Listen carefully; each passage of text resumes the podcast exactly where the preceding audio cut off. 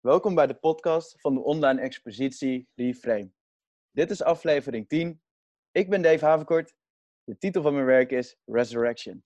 En ik ben Salve Vondelen en de titel van mijn werk is Press Play to Start. In mijn project ben ik op zoek gegaan naar hoe ik mezelf weer wat meer aan het spelen kan krijgen. Hoe ben je op dit onderwerp gekomen?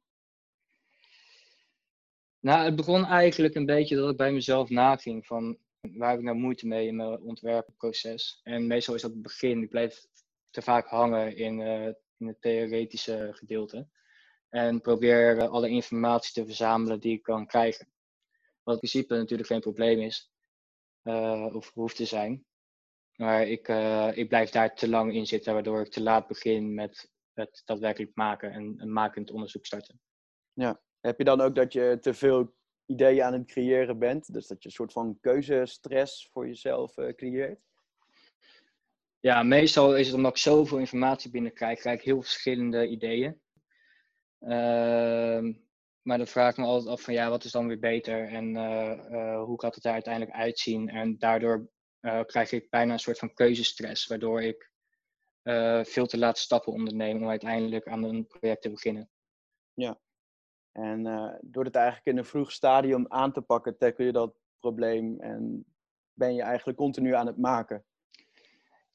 Ja, ja, precies. Dus door gamification toe te passen in het, in het vroege maakproces, ontwerpproces, uh, zorg ervoor dat ik, uh, dat ik mezelf uitdaag om op een hele korte termijn met uitingen te komen.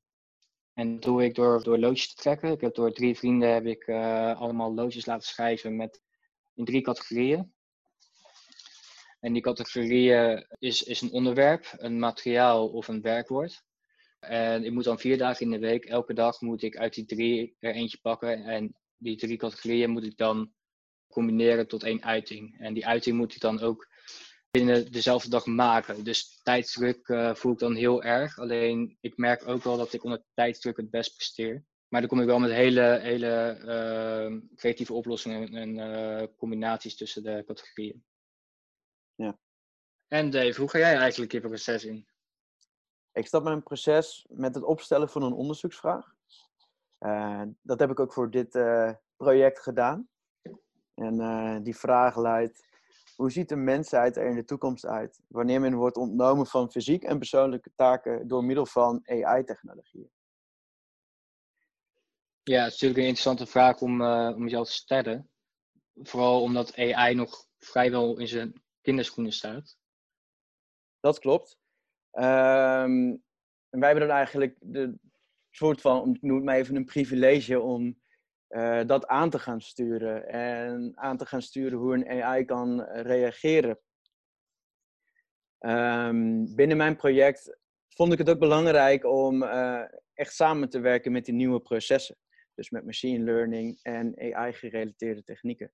Want de kern van mijn werk is de wederopstanding van de nieuwe mensheid. Mensheid die eigenlijk één is met deze nieuwe technologieën. En hoe heb je dat uiteindelijk toegepast in je, in je werk? Uh, nou, ik ben eerst begonnen met, met doeken.